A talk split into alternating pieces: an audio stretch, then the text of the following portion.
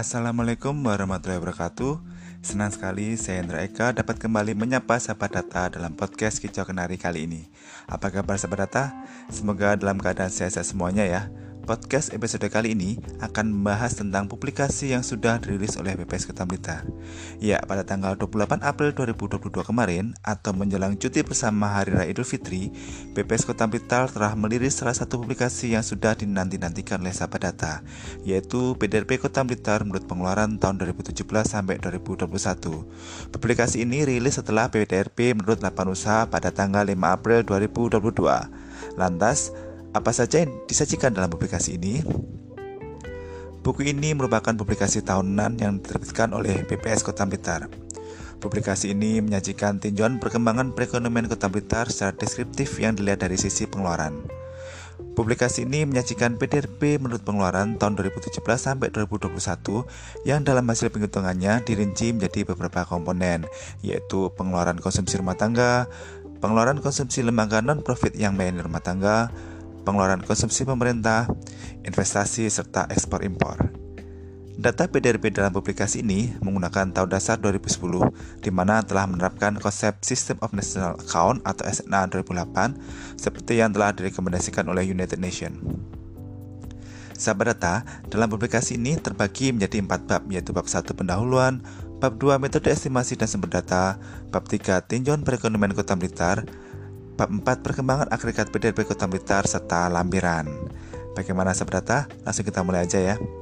Baik, dalam bab 1, penjelasan umum nantinya akan diuraikan tentang pengertian PDRP dan kegunaan PDRP seperti yang telah disajikan pada PDRP menurut lapangan usaha. Seperti yang telah kita ketahui bersama bahwa produk domestik regional bruto atau PDRP merupakan nilai tambah bruto seluruh barang dan jasa yang tercipta atau dihasilkan di wilayah domestik suatu daerah yang timbul akibat berbagai aktivitas ekonomi dalam satu periode tertentu tanpa memperhatikan apakah faktor produksi yang dimiliki residen atau non-residen. Dalam bab ini, nantinya akan dijelaskan cara-cara penghitungan angka-angka PDRP dengan pendekatan pengeluaran. Secara konsep, metode penghitungan tersebut akan menghasilkan angka yang sama dengan berdasarkan lapangan usaha.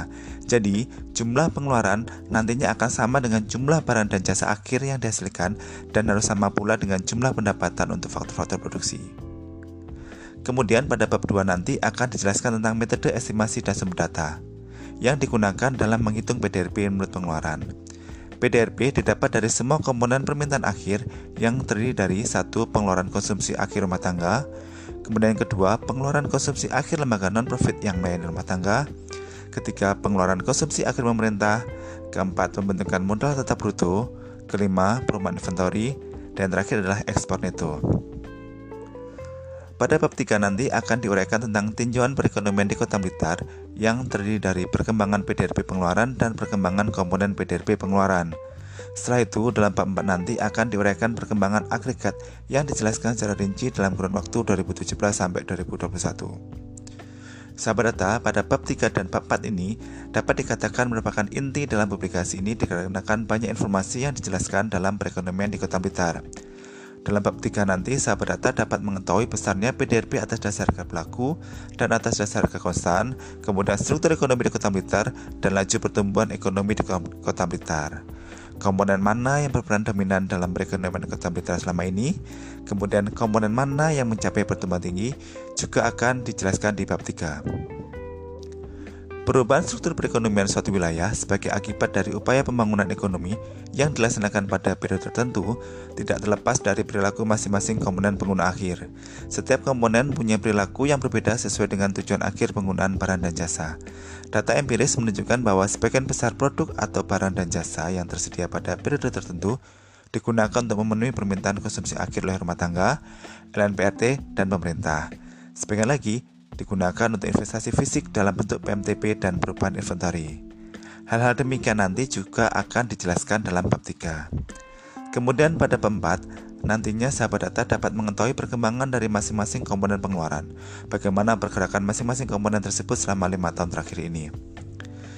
Dalam bab, bab ini nantinya juga akan dijelaskan tentang keseimbangan total penyediaan dan total permintaan, neraca perdagangan, average propensity to consume atau APC, dan average propensity to save atau APS, serta incremental capital output ratio atau ICOR.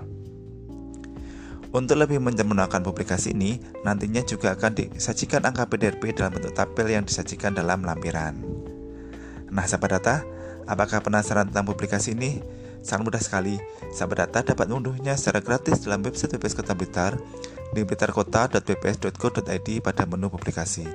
Di menu publikasi nantinya akan ditampilkan publikasi yang sudah rilis di BPS Kota Blitar. Selain itu, sahabat data juga dapat memperoleh publikasi ini di aplikasi Patra Start V2 yang sudah ada di Play Store.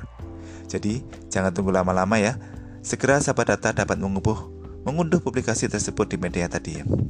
Nah, demikian podcast kali ini. Semoga bermanfaat bagi kita semua. Terima kasih atas atensi sahabat data. Sampai jumpa di episode podcast selanjutnya ya. Salam sehat selalu dan wassalamualaikum warahmatullahi wabarakatuh.